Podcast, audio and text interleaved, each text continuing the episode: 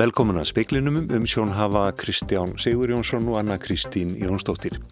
Jarskjálti 5,1 stærð varðum klukkan hálf 5 á Reykjaneskaga í dag. Þetta er þriðji stæsti skjáltin í rínunni síðan hún hófst á miðugudag. 1800 skjáltar hafa mælst frá miðnætti. 23 skjáltar að stærð 3 eða stærri og um 3 skjáltar eru fjórir að stærð eða stærri. Frankvandastjóður í UNICEF á Íslandi segir verkefni Varnahjálpar saminuði þjóðuna að bólusetja íbúa um 90 fátækra landa í heiminum gegn COVID-19 sé tvímæla löst stærsta bólusetningaverkefni sögunar. Framleiðslu áallum koronaveiru bóluframleiðandans Jansens hefur ekki gengið eftir og því óvís hvenar bóluetni kemur hinga til lands. Forsættisáþra Armeníu hvers tilbúin að búa til þingkostninga verið það til þess að leys úr pólitískri kreppu sem þar hefur ríkt síðustu mánuði. Skjáltin sem varð klukkan 16.35 í dag á Reykjaneskaga er sá þriðji stæsti í hrinni sem hófst á miðugudag. Áður hafa vorið skjáltar upp á 5,7 og 5,2. Á við viðstofuna segir að mikill gangur hafi verið í jarðskjáltarhinni síðdeis. Rétt fyrir hálf 5 nötraði jörða á Suðvesturhortinu og reyndi sá skjálti 3,5 og skömmu síðar kom svo enn harðari kipur klukkan 16.35 og hann var 5,1 stærð og er svo stæsti frá því á laugardag og vísindaráða almannavarna satt á löngum fundi frá því klukkan þrjú framöndir 6 og á þeim fundi var Kristín Jónsdóttir sem er hópstjóri náttúruvarvöktunar á Veðurstofu Íslands. Kristín, eh, þið eru náttúrulega alltaf að velta fyrir okkur þessum heitir sviðsmyndir eða möguleikar. Er myndin eitthvað að breytast núna í ljósi þessara miklu virkni í dag? Já, myndin hefur nefnilega aðeins breyst hjá okkur og, og hérna, ástæðan fyrir því er, svo að það okkur bárust nýgögn að e, það, sagt, það bárust ný e, gerfi nattamyndagögg, e, insar úrvinnsla og það sést alveg greinilega að það er umdalsveð færsla sem við getum ekki skýrt bara með jærskjálta hérna, virkninni. Þannig að þetta er alveg færslur upp á 10 cm, þetta er um 30 cm færsla en, en, en í, í rauninni skjáltarnir sjálfur eru bara að valda færslum upp á er fór sentimetra. Þannig að hérna í rauninni einfaldasta skýringin á, á þessum miklu færslum er svo að það sé opnun e, á e, þessari línu sem að jarðskjáltavirknin markar, sem sagt þarna sunnan við e, keili og þessi opnun sé í rauninni til marksum kviku-innskott. Og þegar þú segir opnun og kviku-innskott þýðir það að það séu, þið teljið núna aukna líkur á gósi og þá á þessum stað? E, við teljum í rauninni mikilvægt að draga fram þessa sviðsmynd e, núna í ljósið þessar nýju gagna að e, það er sagt, e, mjög líklega kviku-innskota virkni þarna í gangi og, og þar með eru þetta líkur að því að það verði gós þarna. En það er mikilvægt að komið fram að meiri segja sko, meðal stórt gós sem er þið þarna E, það hraun, hraunflæði eða hraun sem kemur frá því gósi að það myndi ekki hafa áhrif í byggð. Þetta er sem betur fyrir e, staðsett þannig að, að þetta ádökarsvæði þarna er e, bara á svæði þar sem við erum doldið vel fjari byggð. Hvernig ætli það fylgjast með þessu núna bara allara næstu dagana eða stundirnar? Já, ég mitt við náttúrulega þurfum bara áfram að fylgjast mjög gömgefilega með þessu svæði og höfum náttúrulega verið að gera það. E, við erum að nota alltaf e, gögn og nýjustu tæknir sem við getum í þetta. E, við höfum verið að fjölga mælitækjum þarna, jærskeltanmælum og, og, og hérna, GPS-mælum. Við höldum auðvitað áfram að rýna í þessi hérna, frábæru gerðinátagögn sem við höfum. Svo á að fara að fylgjast með líka í drónum, um, þess að taka drónamyndir á svæðinu til að fylgjast með því hvort það verði eitthvað meiri opnun aðna og svo heldur við áfram með gasmælingar. Já, ég ætlaði að segja að þið hafi verið með gasmælingar við eh, Fagradalsfjall og líka hafið þið verið að mæla gas þarna núna á þessu svæði sem við erum að tala um við keil? Nei, við hefum ekki verið að mæla gas, okkur þarna gasmælingarnir er alltaf gerðar á, á sömu stöðum til þess að við höfum uh, svona, sagt, getum uh, skoða breytingar sem falla tíma og, og, og gasmælingarnir er líka gerðar á þeim stöðum þar sem við sjáum og veitum að það greinlega guðs að koma upp þannig að þær hafa verið gerðar þarna við Elbörpin, Svartsengi og, og, og svo þarna við Seltún um, og hérna en, en En þetta, þetta verður allt, hérna, verður endur skoðu núna í, í ljósu þessu, þannig að hugsalega verður farið akkurat bara á þetta svæði þar sem að, og gerða mælingar þar, við faradalsfjall. Þakkaði fyrir þetta Kristín Jónsdóttir. Takk. Og uh, þá heyrum við í Víði Reynisinni yfir lörglu þjónu hjá Almanna Varna til Ríkislörglastjóra. Víðir þið voruð að ljúka fundi í dag þessi, þessar upplýsingar sem að Kristín kom með núna í frettímanum. Uh, breytir það, eða breyta þær einhverju í ykkar viðbröðum? Í sjálf og sér bara því að nú erum við komið með eina svona sviðsmyndi sem við köllum til viðbótar þessum tveimur sem við verðum með sem að voru þessi að svona skjáltir henni heldur áfram með, með þessum skjáltum sem hafi verið svipuðum og eitthvað aðeins stærri og síðan þessum möguleika á ennþá stærri skjálta austar. Það hefur ekki breyst en til viðbútar hefur sendt komið inn þá þessi þessar upplýsingar var þetta kveika innskotið og, og þar erum við að skoða þetta það að í mörgum svona tilfellum þá verður innskotið og svo bara gerist ekki neitt en síðan getur við þetta sá möguleika þarna verði gós og eins og Kristín fór ágætlega yfir og þá erum við byrjað að skoða út frá staðsendingu þarna hvaða áhrif það getur haft og, og fyrstu svona upplýsingar benda til einmitt þess að, að, að þetta sé kannski brekar henduðust að þannig að hrönnfæði hafi ekki, haf ekki áhrif í byggðin. Þetta eru þetta bara upplýsingar sem við erum að fá núna fyrir frá síðustu 2-3 klukkustundum þannig að við erum aðeins að bara að byrja að meta þetta í sam, saminu við vísindamenn og, og það munur næstu dagar bara leiða í ljós hvernig þetta þróast. Takk fyrir þetta Víðir Einarsson. Og þá hugum við að öðru máli, óvist er hvenar koronaveiri bóluefni Janssen kemur hinga til lands. Búist er við að það fái markasleifi frá Liviastofnun Evrópufljótlega en framleiðslu áallum fyrirtækisins hefur ekki gengið eftir að sögna Rúnu Haugstóttur Kvanberg, forstjóra Liviastofnunar. Aðrir bóluefna framleiðendur higgjast auka framleiðslu sína. Það er verið að tala um miðjan mars sé möguleiki á markasleifi í Evrópu og þá hér á Íslandi. Hins vegar hvenar eh, lífi kemur hinga til lands veit ég kannski ekki alveg að það er pínu óvist. Þeir eru ekki alveg klárir í framleyslu en ég held að þeir sé að tala um að í april gæti orðið afgriðslur í Evrópu. Það er náttúrulega skýrast mjög fljóðlega um leið og markasleifið klart. Ísland hefur tryggt sér skamta fyrir 235.000 manns á bólefni Janssen. Þetta er mestamagn frá einstakum framleganda sem Ísland fær en ekki likur fyrir hversu mikið kemur í fyrstu sendingu eða hvernig þessi skamtafjöldi mun dreifast. Að sögn rúnustefna lifja framlegandunir Pfizer, Moderna og AstraZeneca á að auka framlegslu getur sína og það getur þýtt að Ísland fái bólefni fyrr frá þeim en til stóð. Áætlunum dreifingu bólefna gildir út mars og ekki hefur verið gefin út nýja áallun.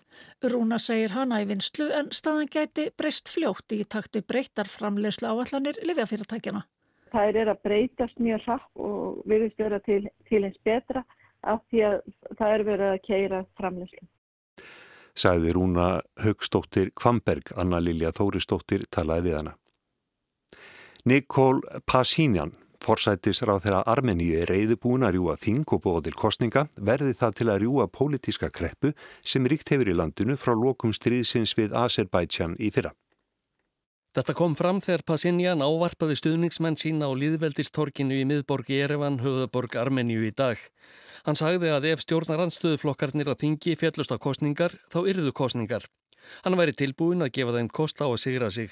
Best væri að sjá hvaða flokkum landsmenn væru reyðubúnir að treysta. Passinjan var forsættisráð þeirra árið 2018 eftir mikil mótmæli sem hann stýrði gegn spillingu í stjórnkerfinu. Stjórnaranstæðingar hafa beitt hann miklum þrýstingi eftir að hann játaði armenna sigraða í stríði við Asera um hér aðið Nagorno Karabakh til að koma í vekk fyrir enn meira mannfall í liði þeirra. Fyrir vikið urðu þeir að láta af hendi nokkurt landsvæði í héræðinu sem mæltist einstaklega illa fyrir. Nikól Passenjan játaði dag að hann hefði gert ímis mistök í stríðinu en það væri einugist þjóðin sem geti ákveði hver yrði við stjórnmölinn.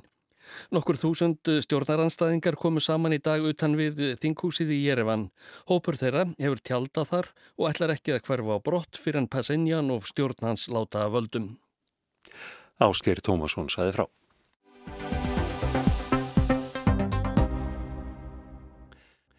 800 ár eru liðin frá síðustu eldsumbrótum á Reykjaneskaga og Jarsagan segir að skæin sé komin á tíma.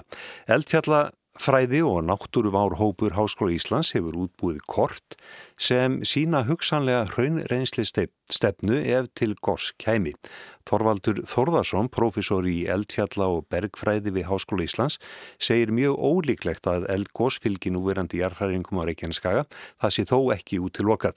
Speillin rætti við Þorvald í dag, en það skal tekið fram að við, viðtali var tekið um miðjan dag áður en stöðufundur almannavarna var haldinn sem við sögðum frá í frettarutta speilsins.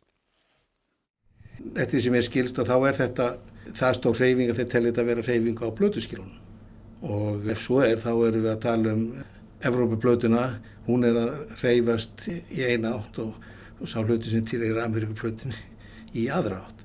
Og það bendir þá til þess að það er verið að hafa áhrif á alla skorpuna. Og skorpan á þessum svæði hún er svona 20 km pluss allavega, gæti verið upp í 25 km þykk og þá getur við svona, rétt ímynda okkur að þetta er mikill atbyrður Skjáltarnir sem við sjáum eru mælanlegir, eru fyrst og fremst á þessu dýpi 6 til kannski 4 kilometrar, kannski upp í 7 kilometrar, sumir fara aðeins neðar, örfá og skjáltar, litlir sem eru, eru sennilega neðar.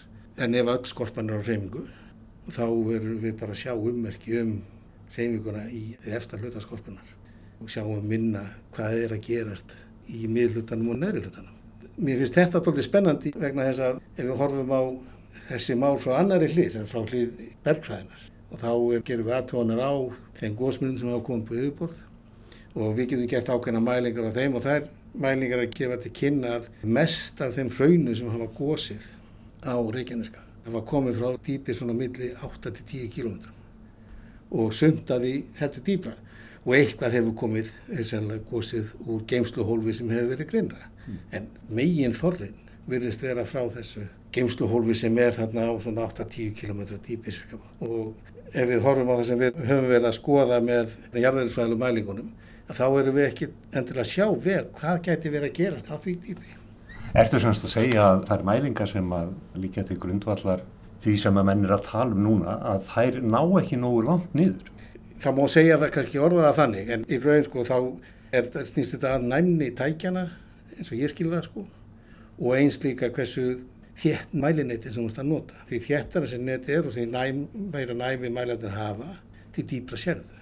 Þá sérðu líka minni skjálta og þeir geta gefið þér upplýsingar um hvað er þá í gangi.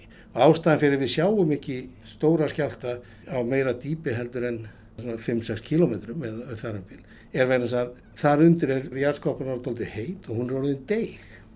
Það er erfiðar að brjóta og þess að fá járskjálta þurfa að brjóta eitthvað og þegar hún deiga þá þarf hratt áttak til þess að brjóta og það skeður ekki nema kannski sérstökum aðrið eða kemur skindirett og hratt kvikvinnskott eitthvað þess áttak.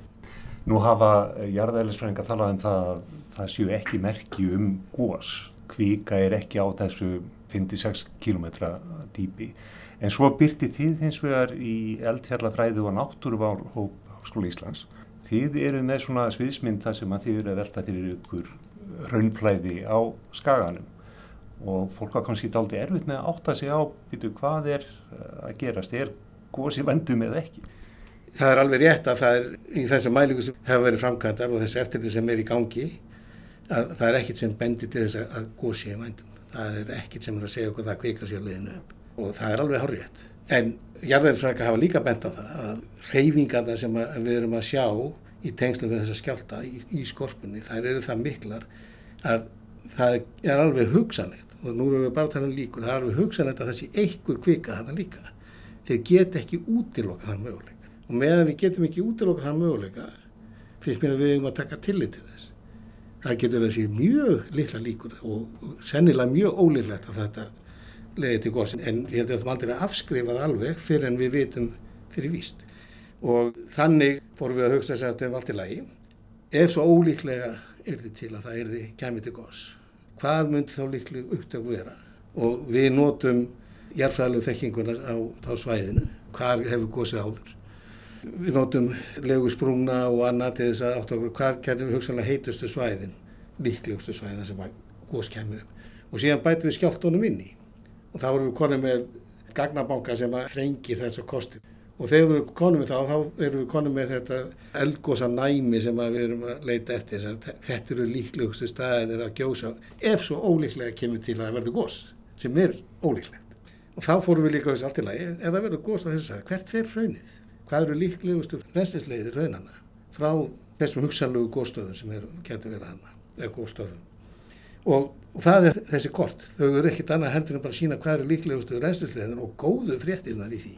En ef að við erum því góðst á þessum stöðum að þá er miklu líklega að hraunir flæði inn á svæði sem eru fjarrri þéttbíli frekar heldur en að fara í þéttbíli þannig að þetta eru bara jákaða frétti fyrir okkur öll því að áhrifin myndi vera í algjöru lámarki og ég held að fólk get alveg sofið þarf ekki að fara að hafa áhyggjur af því að verði gós 1, 2 og 3 því að það er ekkert sem bendir til þess en getum ekki útilokaða þannig að ef þetta í gós kemur þá bendir allt í þess að, að allir geti samt sem áður sofið verðt.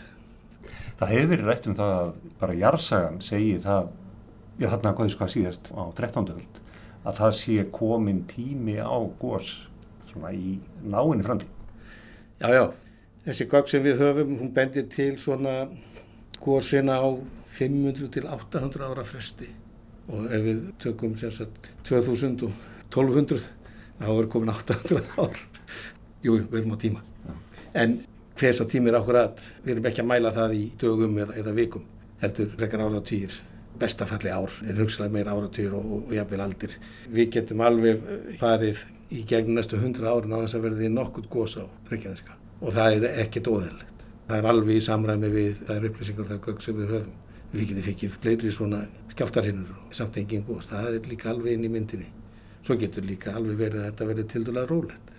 Þetta eru hluti sem við veitum ekki. Það er náttúrulega aðtýrlisvert af. Það hefur verið stífvaksandi virkni og núna erum við að fá svona skjáltarvirkni sem er búin að vara í tölvöld langan tíma og það er svona hluti sem mér finnst að þurfum líka að hugsa aðeins meirum og reyna að læra sem mest frá því í raun og veru sko, auka skilning okkar á hvernig þessi kerfi haga sér bæði í gagvart skjáltum og svo einslega gagvart öðru þáttum eins og eldkosum. Mér langar að spyrja aðeins út í siðfræði vísindana og þekkingarinnar. Fólk er eðlega óttaslegið í þessum skjáltum sem að núna ganga yfir kvíðið. Hvert er jafnvægið á milli þekkingar og upplýsingagjafar og það að valda ekki óta í halningi? Það er náttúrulega mjög vandfarin vegur raun og veru og ég hugsa að það sé aldrei hægt að gera þetta þannig að allir séu verði 100% sátti við hvernig, hvernig var haldið var á, á málum. En eins og ég sé hlutin að þá held ég að ofin upplýsingaflæði og náttúrulega með þarlega orðuðum setningum og annað er miklu mikilvægara heldur en að, að halda upplýsingu frá fólki. Að þekkingin hjálpar fólki við að skilja hvað er í gangi og við hverða maður búast og hvernig maður bregðast við og ef að við erum með þá hluti á hreinu þá er þetta allt saman auðveldar og ef við líka skiljum þennan þátt í því að þetta er bara hluti af náttúrun, þetta er ekkit óvinnilegt við búum á eldfjallagi þessi hluti gerast þessum eldfjalli eru og við erum bara að læra að búa með þeim og læra meira um hvernig er best að breyðast við þessum hlutum. Finnst þetta að hafa verið á sæmiluður óli núna? Mér finnst það já, ég, ég sé ekki neitt alvarlegt hvað það varðar, það er engin hræslu áróður, auðvitað kemur alltaf upp með slá upp einhverju fyrirsögn og, og margir lesa bara fyrirsögn en ekki það sem er í textanum og kannski þá lesa annað í skilabóðin heldur en kannski var ætlast til. En ég held að þetta hafi bara farnast mjög vel og, og ég held að margir séu þakklátti fyrir það að, að upplýsingastreymið er eins og það er. Er samstæða með að vísindamannan og heyrum að stundum sögur um að það sé svona rígur, eitthvað keppni, eða smá pyrringur milli, ég myndi að greina innan í arðfræðinar, erum enn samstíga? Í flestum tilfellum erum við það og reynum að vinna saman og þó svo að við höfum mismunandi sín á hlutina, mismunandi skoðanir og jafnvel mismunandi álita á einhverjum einstaklingum, þá eru vísindin ofan við þá hluti sko, og menn reyna að ræða hlutina og við erum kannski komast ekki alltaf af, af sömu nýðustöðu. Það er líka allt í lagi. Við þurfum ekki öll að sjá hlutina nákvæmlega. Það er oft mjög gott að, að við sjáum hlutina frá mismöndi sjónarhóttum og, og þau sjónarhótt komið fram en þau verða að koma fram náttúrulega á skilmerkilegan og skinsaman máta. Vísindamennir er náttúrulega bara eins og hvert annar fólk. Stundum verða menn pyrraðir og, af því að eitthvað var sagt eða þeim miskildu það eða, eða hinn sagði eitthvað sem var kannski ekki tímabært að segja og það er fram til göttunum en það skýður í öllum. Á endanu þá held ég að sem betur fyrir að þá höfum við nú þann froska til að bera að geta sett vísindin og heil þjóðarinnar og var okkar svona persónlegu lutum sko. Þetta var Þorvaldur Þórðarsson eldfjallafræðingur. Það skal ítrekkaða viðtali var tekið um miðjan dag áður en vísindaráð fóri yfir gerfinhattanindir sem bárist í dag en úrveinsla úr þeim myndum sína meiri fæslu en áður hefur orði vart við á svæðinu síðustu daga.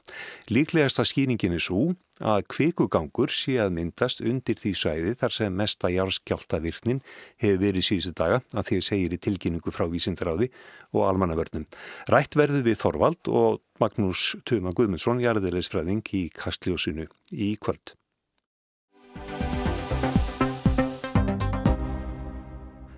Framkvæmdastjóri UNICEF á Íslandi segir verkefni barnahjálpar saminuði þjóðuna að bólusetja íbúa um 90 fátækra landa í heiminum gegn COVID-19 sé tvímarlaust stærsta bólusetningaverkefni sögunar. Fyrstu bólusetningarnar hófust í dag á Fílabinströndinni í vestur Afriku. Þetta er híklust stærsta bólusetningarherrferð sögunar. Það er bara þannig. En það er svo áhugavert að þessi bólusetningarherrferð er í rauninni hrein tvöföldun á þeim bólusetningarverkefnum sem að UNICEF og samstagsæðala þeirra annast á hverju ári. En hún er algjörlega eðlis ólík hefðbundnum bólusetningarherferðum. Þannig að venjulega miðast þær að börnum en hér eru við að ná til fullorðina og oft handvalina viðkvæmra hópa og það þarf að gera þetta í ákveðinu röð. Þannig að þetta er uh, að mínu viti uh, stærsta og floknasta bólusetningarherferð sögunar Segir Birna Þóraristóttir, framkvæmdastjóri UNICEF á Íslandi, komið fram í faraldrinum að lönd heimsins standa ekki jöfn þegar kemur að því að kaupa bólefnu og bólusetja sína landsmenn. Vestra ríki hafa kefst við að tryggja sér nægilega marga skamta og í flestum tilfellum vel rúmlega það. Stemt yfir í að fátæku löndin verðu undir í þessu kaplöpi. Vegna þessara áhugna var COVAX komið á lakirnar fyrir atbeina alþjóða heilbriðismálastofnunarinnar og fleiri stofnana. COVAX er samstarfu 192 landum að tryggja að 190 þjóðir fái bólusetningu gegn koronavirunni. Helmingur þessara þjóða eru lág og millu tekið lönd.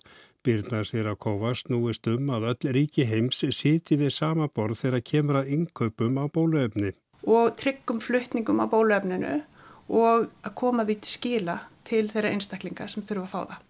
En hefur byrna trú að því að hægt verið að tryggja þjóðum heims jafnan aðganga bólöfni?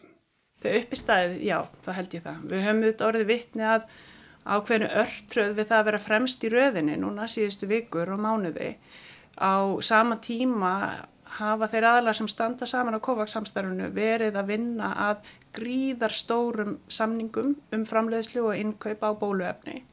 Og það verkefni hefur skuldbundið sig til þess að koma 2 miljardum skamta til skila.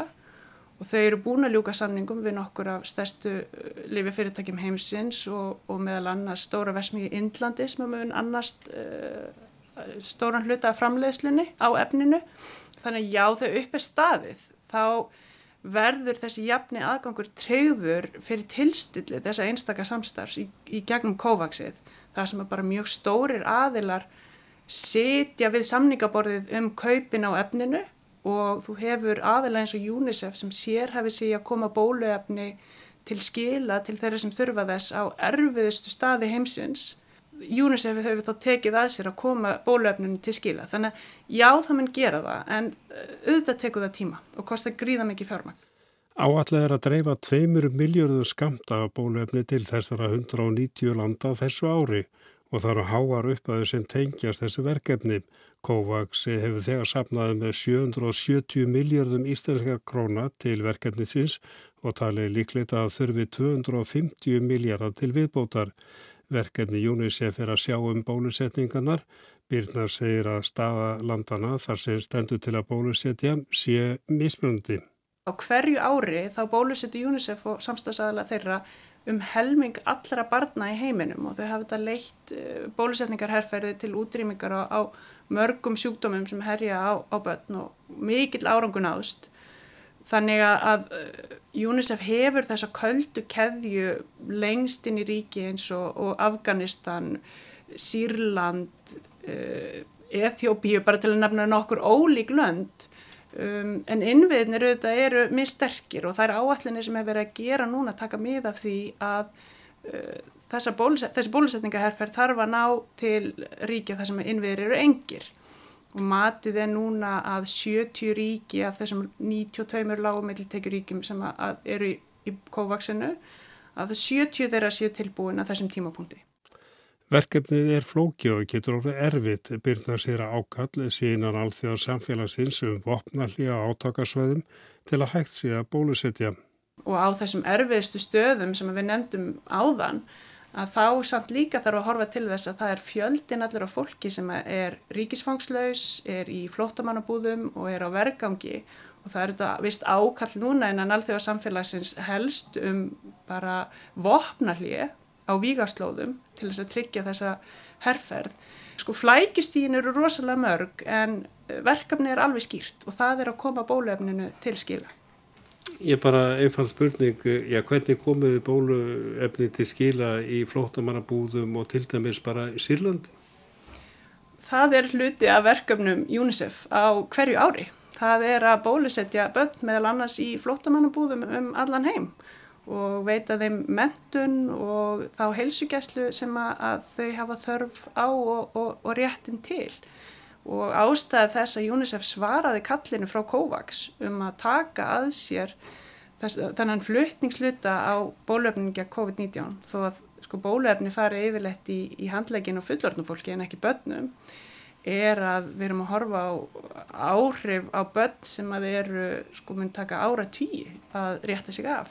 Það eru yfir 100 miljónir barna sem hafa búið við lokaða skóla í, í hátt í ár Við vitum að 24 miljónir barna munu aldrei aftur snúa í skóla út af lokunum vegna, vegna COVID og bólusetningar herrferðir venjubundnar, það er fjallið niður í fyrra.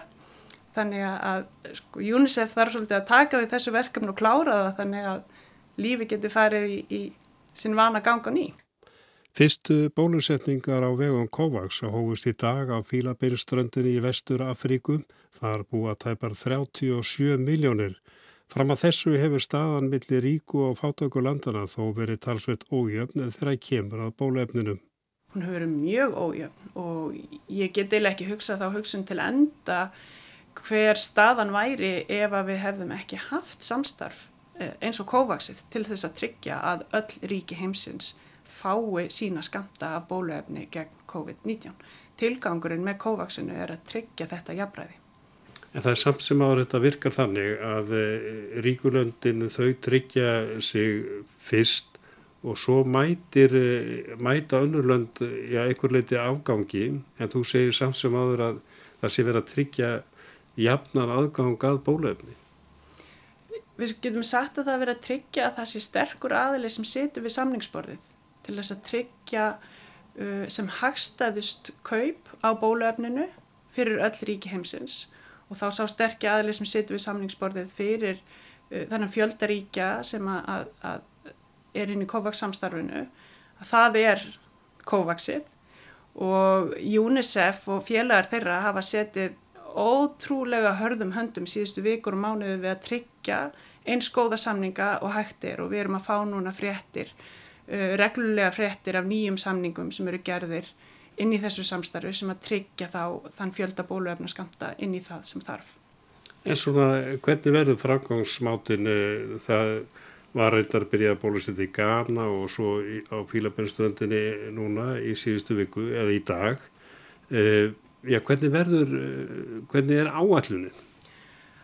Áallunin er bara að, að núna er byrja að flytja fyrstu skamtana til ríkjana og fyrstu spröyturnar voru gefnar í morgun og það, alþjóða helbriðismálastofnunin er búin að teikna upp röð af ríkjum sem að veru þá tilbúin til þess að taka við bóluefnusköndunum og nú sjáum við það bara uh, ganga eftir uh, á næstu vikum og mánuðum sem að þetta mun taka. Þetta var Birna Þórarinsdóttir, Arnar Páll Haugsson talaði við hana.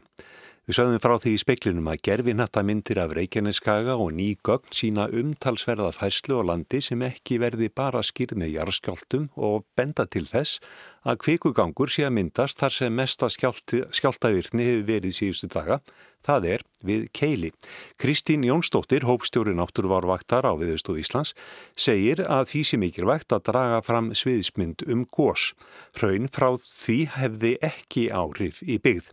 Ekki er talin ástæð til að breyta viðbúnaða almannavarna en fylst er grant með svæðinu.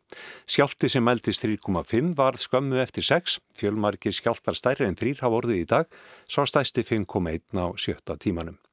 Fleiri er ekki speklinum í kvöld, Mark Eldred sendi út, verið í sæl.